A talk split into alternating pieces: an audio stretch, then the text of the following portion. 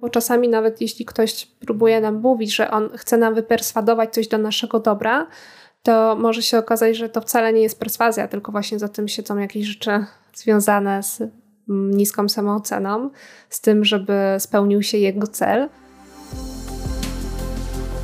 Cześć, tu Aga i Rita, czyli audycja Proste Rozmowy. W dzisiejszym odcinku poruszymy temat manipulacji, ale poruszymy też temat perswazji, czym różnią się te dwie rzeczy od siebie. Jak powiedziałaś manipulacji, mam wrażenie, że temat manipulacji jest teraz bardzo na czasie. O. Nie, nie będziemy może przytaczać, czemu uważamy, że jest bardzo na czasie, ale bardzo dobrze wiedzieć, czym faktycznie ta manipulacja jest i jakie są te techniki i czym się różni od perswazji. Manipulacja to jest coś, co wynika z, trochę z niepewności osoby, która manipuluje, z niskiej samooceny tej osoby, często z lęku. Manipulacja jest wykonywana dla własnej korzyści osoby, która manipuluje. I osoba, która jest manipulowana, nie ma pojęcia o tym, jaki jest cel tej osoby, która manipuluje nią. To, co powiedziałaś chwileczkę temu, czyli tak naprawdę to, w jakim celu chyba najbardziej określa i jest w stanie rozdzielić manipulację od perswazji. E, mam takie wrażenie, no bo manipulacja ma, niezależnie od tego, jakie są przyczyny manipulacji, co jest tym podłożem, czy to są właśnie rzeczy związane gdzieś z jakimś brakiem poczucia własnej wartości, czy czymkolwiek innym, ma to tak naprawdę na celu wywołanie jakiegoś określonego zachowania u tej osoby dla własnych celów, czyli my kogoś manipulujemy, ktoś nas manipuluje po to, aby spełnił się jego cel. Natomiast perswazja jest chyba troszeczkę, nawet nie chyba, tylko perswazja jest e, o wiele bardziej nastawiona, jest, jest przeciw, nawet nie jest przeciwieństwa, no bo perswazja też, też jest w jakiś sposób dialogiem, ale jest o wiele bardziej otwarta, tylko że nie myślimy tutaj o celu swoim, jako osoby manipulujące, E, tylko myślimy o dobru drugiej osoby. No i przede wszystkim w momencie, kiedy komuś próbujemy coś wyperswadować, to ta ostateczna decyzja i tak stoi po stronie tej osoby, z którą rozmawiamy. Podczas kiedy w manipulacji tej ostatecznej decyzji i tej decyzji w ogóle podjęcia dalszych kroków, no to manipulant nie chce tej osobie oddać, to on chce zadecydować. Czyli w perswazji mamy jasny cel, E, który też jest w sumie mm, transparentny dla drugiej strony. No, jakby na to nie popatrzeć, no ale przede wszystkim tym celem jest dobro tej mhm. drugiej osoby. Nawet jeśli koniec końców, patrząc obiektywnie, czy mając jakiś szerszy kontekst, okaże się, że to, co my myśleliśmy, że będzie lepsze dla tej osoby, wcale nie jest dla niej lepsze, no to za nami to, co siedzi w naszej głowie, no to jest to, żeby tej osobie było lepiej. Czyli tak naprawdę patrzymy na to bardziej altruistycznie nie myślimy tutaj o samych sobie. I to tak bardzo mocno odróżnia, bo czasami nawet jeśli ktoś próbuje nam mówić, że on chce nam wyperswadować coś do naszego dobra, to może się okazać, że to wcale nie jest perswazja, tylko właśnie za tym siedzą jakieś rzeczy związane z mm, niską samooceną, z tym, żeby spełnił się jego cel, ale próbuje nas zmanipulować, że on wcale nie manipuluje, tylko, tylko on robi to dla naszego dobra tylko perswaduje. To jest incepcja manipulacji, manipulacja manipulacją. Jak wypowiedziałaś to zdanie, ja chcę ci coś, ja ci tutaj coś wyperswaduję, to otworzyło w, mi w głowie takie pytanie, kiedy y, możemy mieć do czynienia właśnie z takimi sytuacjami, kiedy możemy mieć do czynienia z manipulacją, y, kiedy jesteśmy najczęściej na nią narażeni też.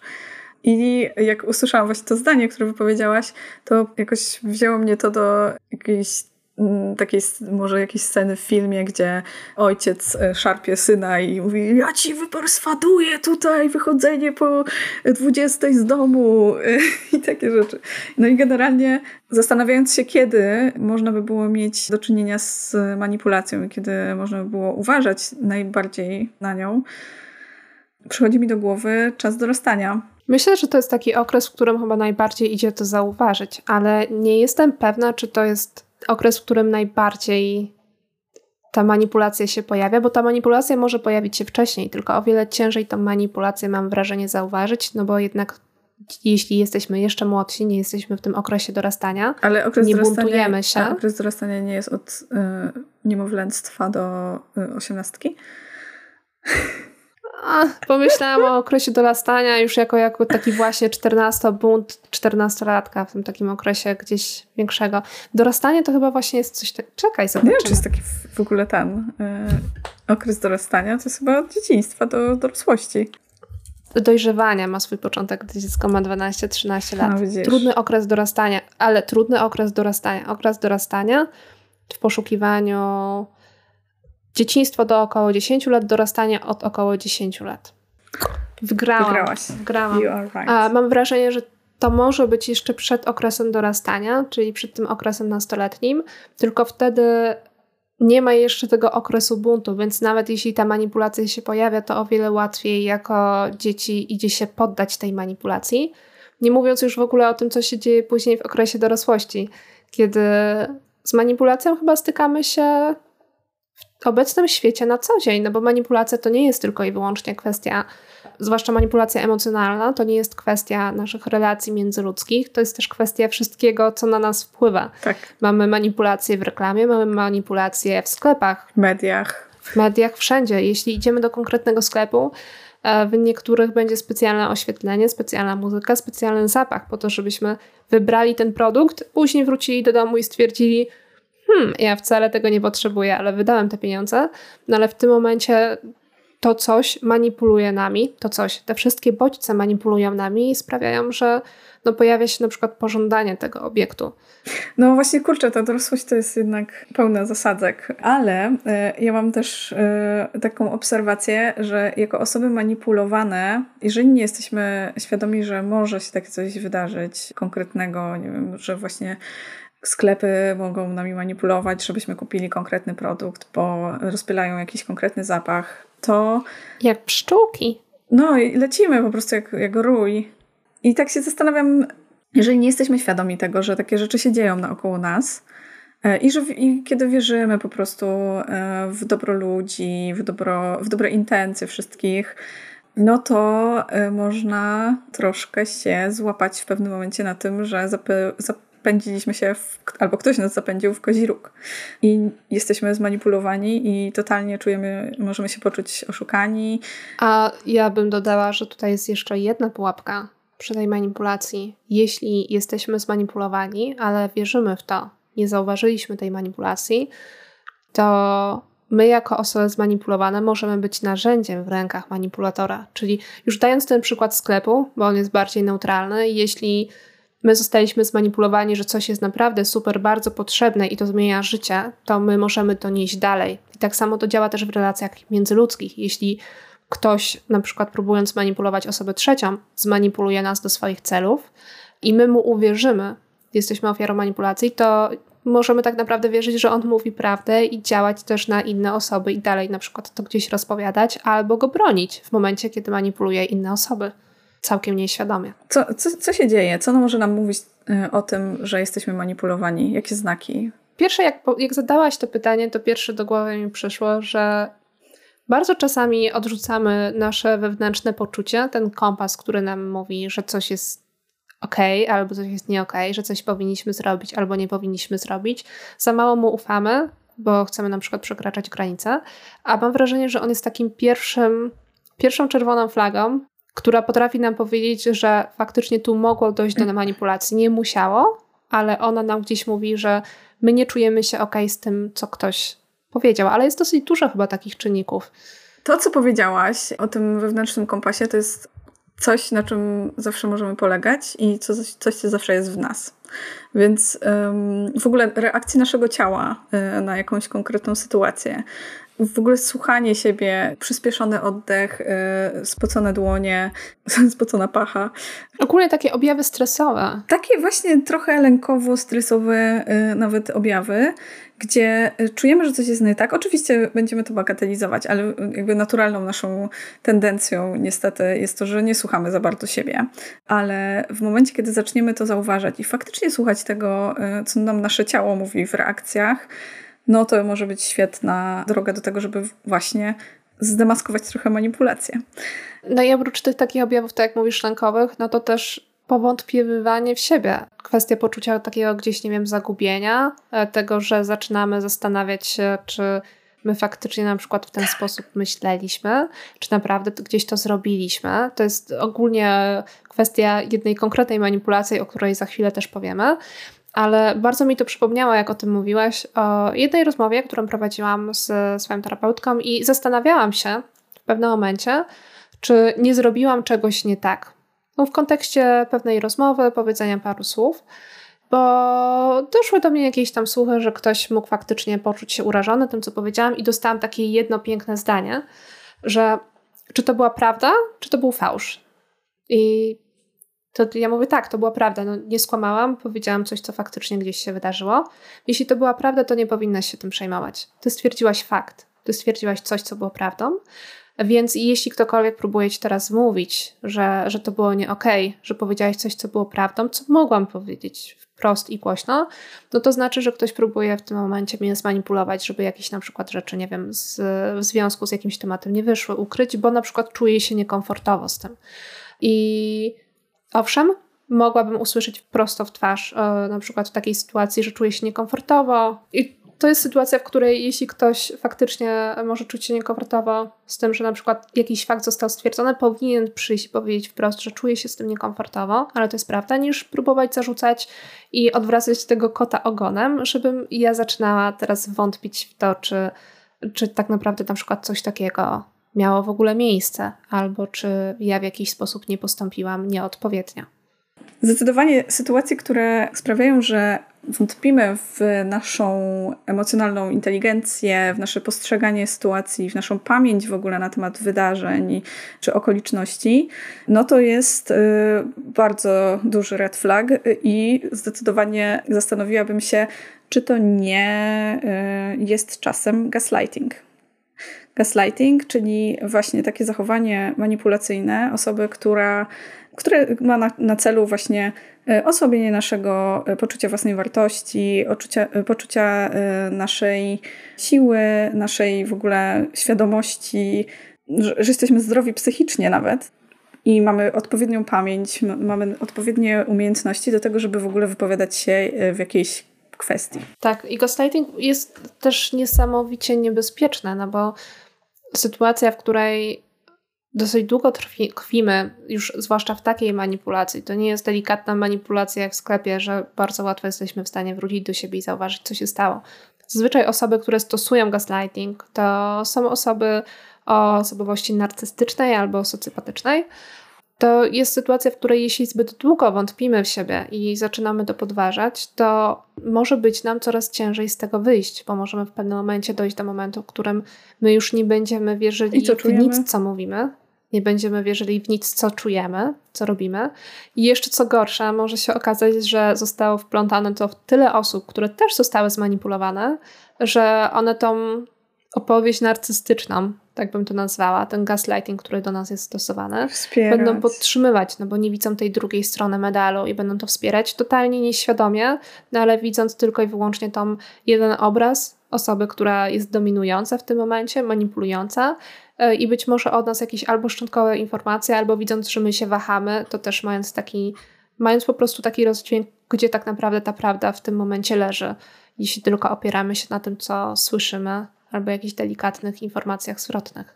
No, to jest, to jest prawda i to jest super niebezpieczne. Tak jak powiedziałaś, może się zdarzyć tak, że znajdziemy się w takim środowisku, gdzie niestety osobowość narcystyczna będzie w wspierana przez e, inne osoby, które zostały e, zmanipulowane właśnie przez nią do, tej, do tego zachowania, no nie? Że do bronienia jej narracji tak naprawdę, no nie? E, to jest przerażające. Najgorsze jest to, że gaslighting sprawia, że sami w siebie wątpimy i sami wątpimy we własną percepcję w ogóle. Percepcję emocjonalną, percepcję właśnie... Um... Własną inteligencję. No, w ogóle w naszą własną inteligencję, w naszą e, percepcję świata, w swoje własne postrzeganie. A przecież jesteśmy dorośli na przykład, no nie? Albo w ogóle jesteśmy ludźmi, którzy mają własne zdanie i potrafią e, widzieć rzeczy. I ktoś nam może wmawiać, że nie, no tak nie jest, przecież to w ogóle źle to zrozumiałeś te osobowości narcystyczne i gaslighting bardzo y, często można zobaczyć w różnych związkach i w różnych sytuacjach relacyjnych. I y, w momencie, kiedy Mm, na przykład mm, jest taka pierwsza faza love bombingu, czyli bombardowanie miłością na początku, że jest robienie ogromnych planów na przyszłość. Jest, jesteś miłością mojego życia, nigdy z nikim tak nie miałem. Magia, po prostu jesteś wspaniała. I później może następować ghosting, czyli e, ta osoba nagle się odcina od ciebie i przestaje się odzywać, nie ma z nią żadnej, żadnego kontaktu przez jakiś czas, a potem wraca. Znowu może być ta faza e, bombardowania miłością, ale właśnie w, w takich sytuacjach też może się zdarzyć gaslighting, e, ta fa faza gaslightingu, gdzie na przykład dochodzi do takich rozmów, że no kochanie, ale przecież y, jesteśmy razem, planowaliśmy te wakacje, mieliśmy wyjechać. Nie, niczego takiego nie mówiłem. W ogóle źle to wymyśliłaś i w ogóle o co ci chodzi? Przecież jesteśmy tylko przyjaciółmi. To są po prostu takie sytuacje w, właśnie w takich związkach, w których pojawia się gaslighting, że ta osoba, która była w tym, z, tą z, z tym człowiekiem od samego początku, myśli sobie, Jezu, ja po prostu źle patrzę na świat. Musiałam coś źle zrozumieć.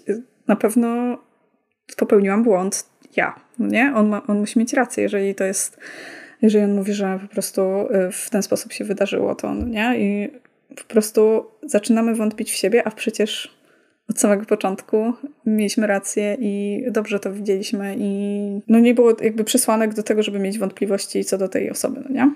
Ten, ten przykład, który podałaś, to jest jeden z przykładów, ale e, gaslighting też dosyć często łączy się z innymi formami przemocy i psychicznej, i gdzieś fizycznej, jeśli zwłaszcza mówimy o związkach, mhm. gdzie możemy mówić o sytuacji, w której faktycznie na przykład dochodzi do większej przemocy w związku, ale są wprowadzone do, do tych technik manipulacji inne osoby, czyli jeden z chyba bardziej przykrych przykrych sytuacji, kiedy mamy jedną osobowość narcystyczną, druga jest tą ofiarą w tym związku, ale wszystkie oso inne osoby dookoła tego nie zauważają, nie jest im to komunikowane. Osoba narcystyczna robi wokół tego zupełnie inną kreację sytuacji, więc nawet jeśli ofiara próbuje wyjść z gaslightingu albo z innej przemocy, no to odbije się od słów, że przecież u was wszystko jest ok no. i wszystko tak naprawdę u was dobrze wygląda i może przesadzasz, może gdzieś w jakiś sposób coś źle zinterpretowałaś, dlatego mm. że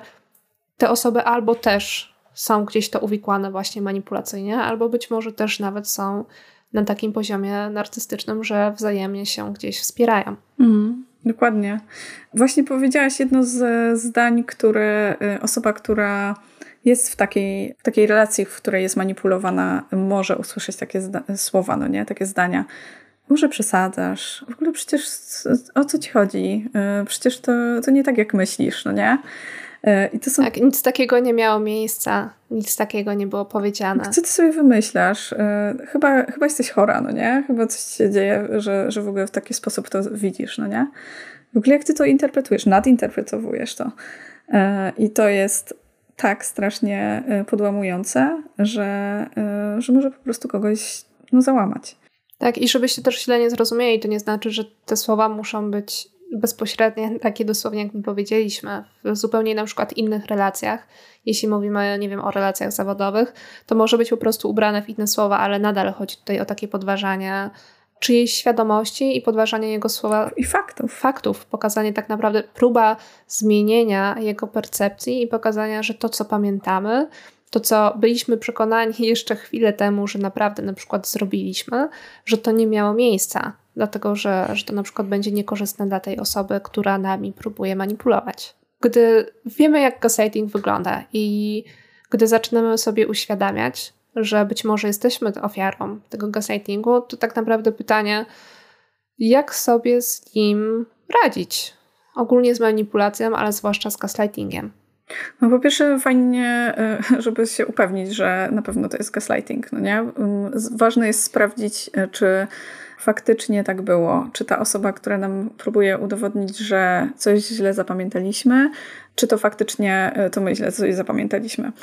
Nie mam jakiejś takiej rady na to, jakiejś specjalnej. Można robić jakieś notatki, ludzie prowadzą dzienniki, natomiast myślę, że tutaj byłoby ciężko sprawdzić jak to, jak, jak to się ma do tych faktów. Można porozmawiać z kimś, no nie? Na pewno jest jedna rzecz, którą warto zrobić i zrobić warto przy każdej manipulacji. To ja bym to nazwała, że zrobić dwa kroki do tyłu, e, wziąć oddech i odsunąć się od tej sytuacji, żeby po pierwsze, żebyśmy my mieli przestrzeń, niezależnie czy to jest gaslighting, czy jakakolwiek inna sytuacja, żebyśmy mieli w końcu przestrzeń na usłyszenie siebie i usłyszenie, czy nie mamy wątpliwości co do zachowania do tej osoby, czy nie zauważamy właśnie tych czerwonych flag, czy nie ma jakiegoś głosu wewnątrz nas, który mówi, że przecież było inaczej. I wtedy możemy zacząć podchodzić do tych wszystkich dalszych kroków, czyli sprawdzenia, czy na pewno tak nie było. Jeśli nie czujemy się pewnie, być może spisywania sobie tych rzeczy. Naprawdę rzeczy spisane są mega wielkim dobrem, e, bo jeśli coś zostało spisane, to nie da się tego podważyć. Mamy, mamy w jakiś sposób dowody do tego. Czy tak jak mówisz, porozmawiania z inną osobą, ale też z taką uważnością, żeby to była osoba trzecia, a nie osoba, która być może przez przypadek była też zmanipulowana i wtedy nie da nam ona takiego do tej narracji i nie da nam ona wtedy takiego świeżego spojrzenia na to wszystko z zewnątrz. A co myślisz, Aga, o tym, żeby skonfrontować w ogóle taką osobę z tym, że to ona nami manipuluje? Myślę, że to jest dobra rzecz, Pierwsze, co by powiedziała, że dobrze być trochę jednak na to przygotowanym, czyli dobrze mieć już to wzmocnienie, czy to będzie wzmocnienie, bo wzmocniliśmy się z innymi ludźmi na terapii, czy w jakikolwiek inny sposób, czy zgromadziliśmy dowody, które pokazały nam wewnętrznie, że my mamy rację i że to na przykład nie miało miejsca, żebyśmy w momencie, kiedy będziemy próbowali się skonfrontować z tą osobą, nie, nie wpadli w sytuację, w której gdzieś się złamiemy i będzie jeszcze gorzej, dlatego że jeszcze bardziej nas zmanipuluje. Bo taka konfrontacja, której nie mówimy o konfrontacji, o długiej dyskusji, jeśli ktoś zaczyna na nas wywierać manipulacje i zaczyna na nas działać gaslightingiem, to powinniśmy mu powiedzieć w pewnym momencie tak naprawdę stop, że tak nie jest. Być może powinniśmy powiedzieć wprost, że nie chcemy w tym momencie o tym dyskutować, że chcemy uspokoić emocje, że porozmawiamy, jak te emocje gdzieś opadną, dlatego żeby nie dać się ponieść tym emocjom, bo będzie nam ciężej po prostu gdzieś na przykład utrzymać siebie.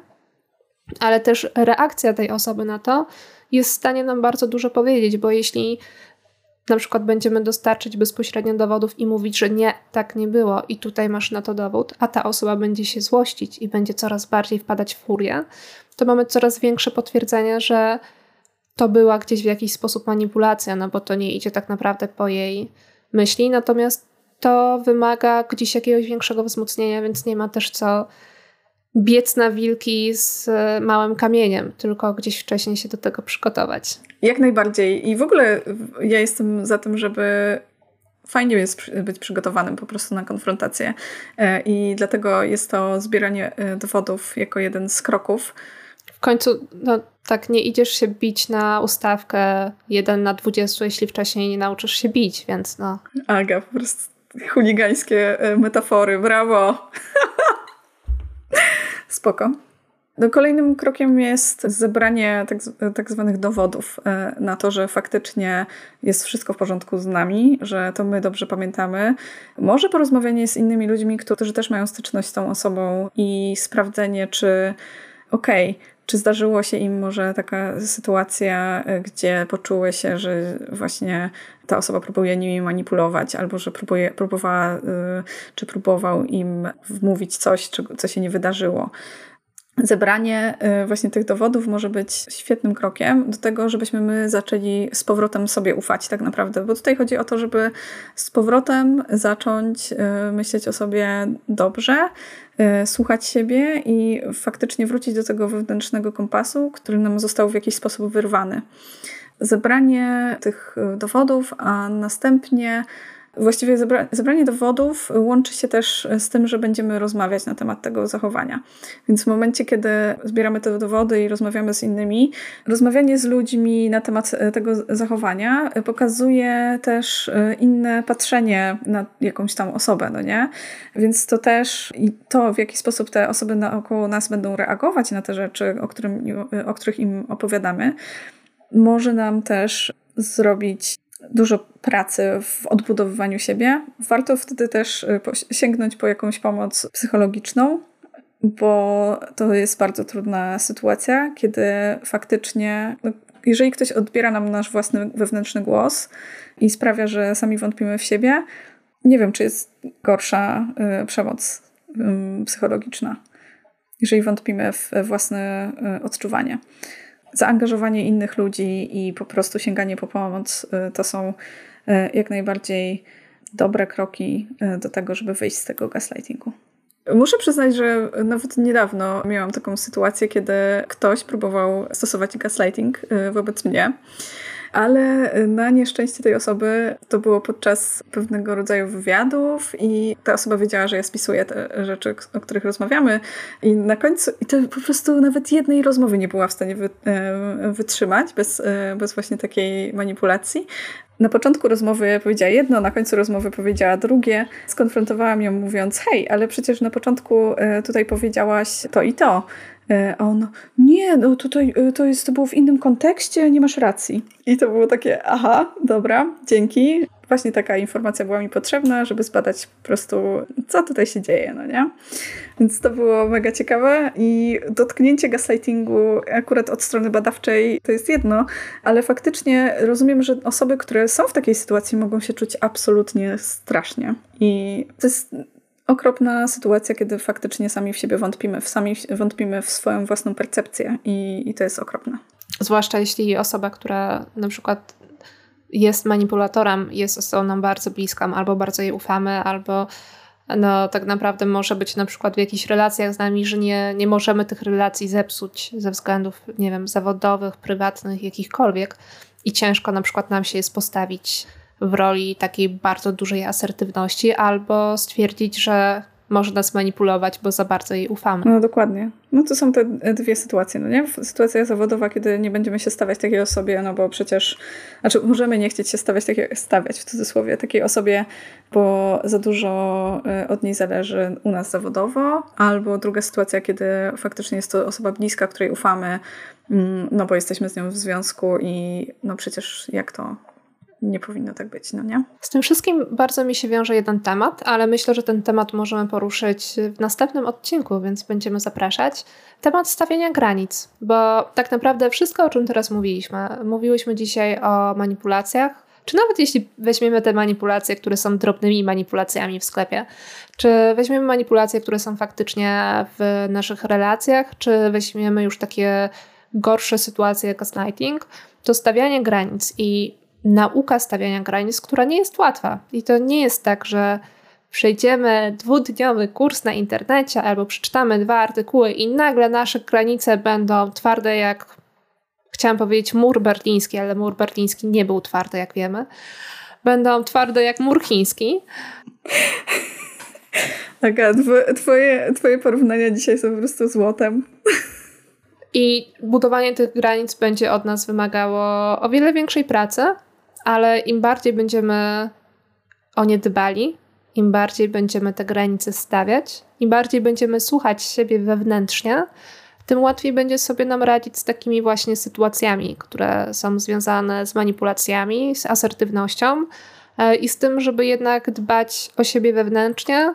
E, dbanie o siebie wewnętrznie i słuchanie siebie nie oznacza wcale, że robimy się egoistyczni, e, bo nie mówimy tutaj o sytuacji, w której nie wiem, robimy coś, żeby innych krzywdzić, tylko nadal mówimy o sytuacji, kiedy my wzmacniamy siebie, żeby też innym tak naprawdę wtedy więcej móc z siebie dać, bo musimy na początku zadbać o siebie, zadbać o swoje granice, zadbać o swój wewnętrzny głos, aby tego głosu naprawdę prawdziwie udzielić innym.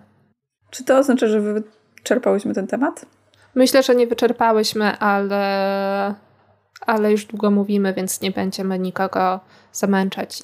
Zapraszamy na następny odcinek, w którym będziemy rozmawiać na temat stawiania granic. I myślę, że mm, jak widzę po prostu, e, z czym przychodzą do mnie też moi klienci, to stawianie granic to jest ogromny problem, no bo nie jesteśmy nauczeni e, tego, żeby tego używać w ogóle. I tak, myślę, że to jest gorący temat. Zapraszamy. Zapraszamy na następny odcinek i będzie fajnie. Zaczyna się już w Krakowie burza, więc też kończymy. Mamy nadzieję, że u Was nie pada, albo że zamknęliście okna, jeśli jesteście w pracy w tym momencie. Pozdrawiamy. Do usłyszenia. Cześć. Cześć.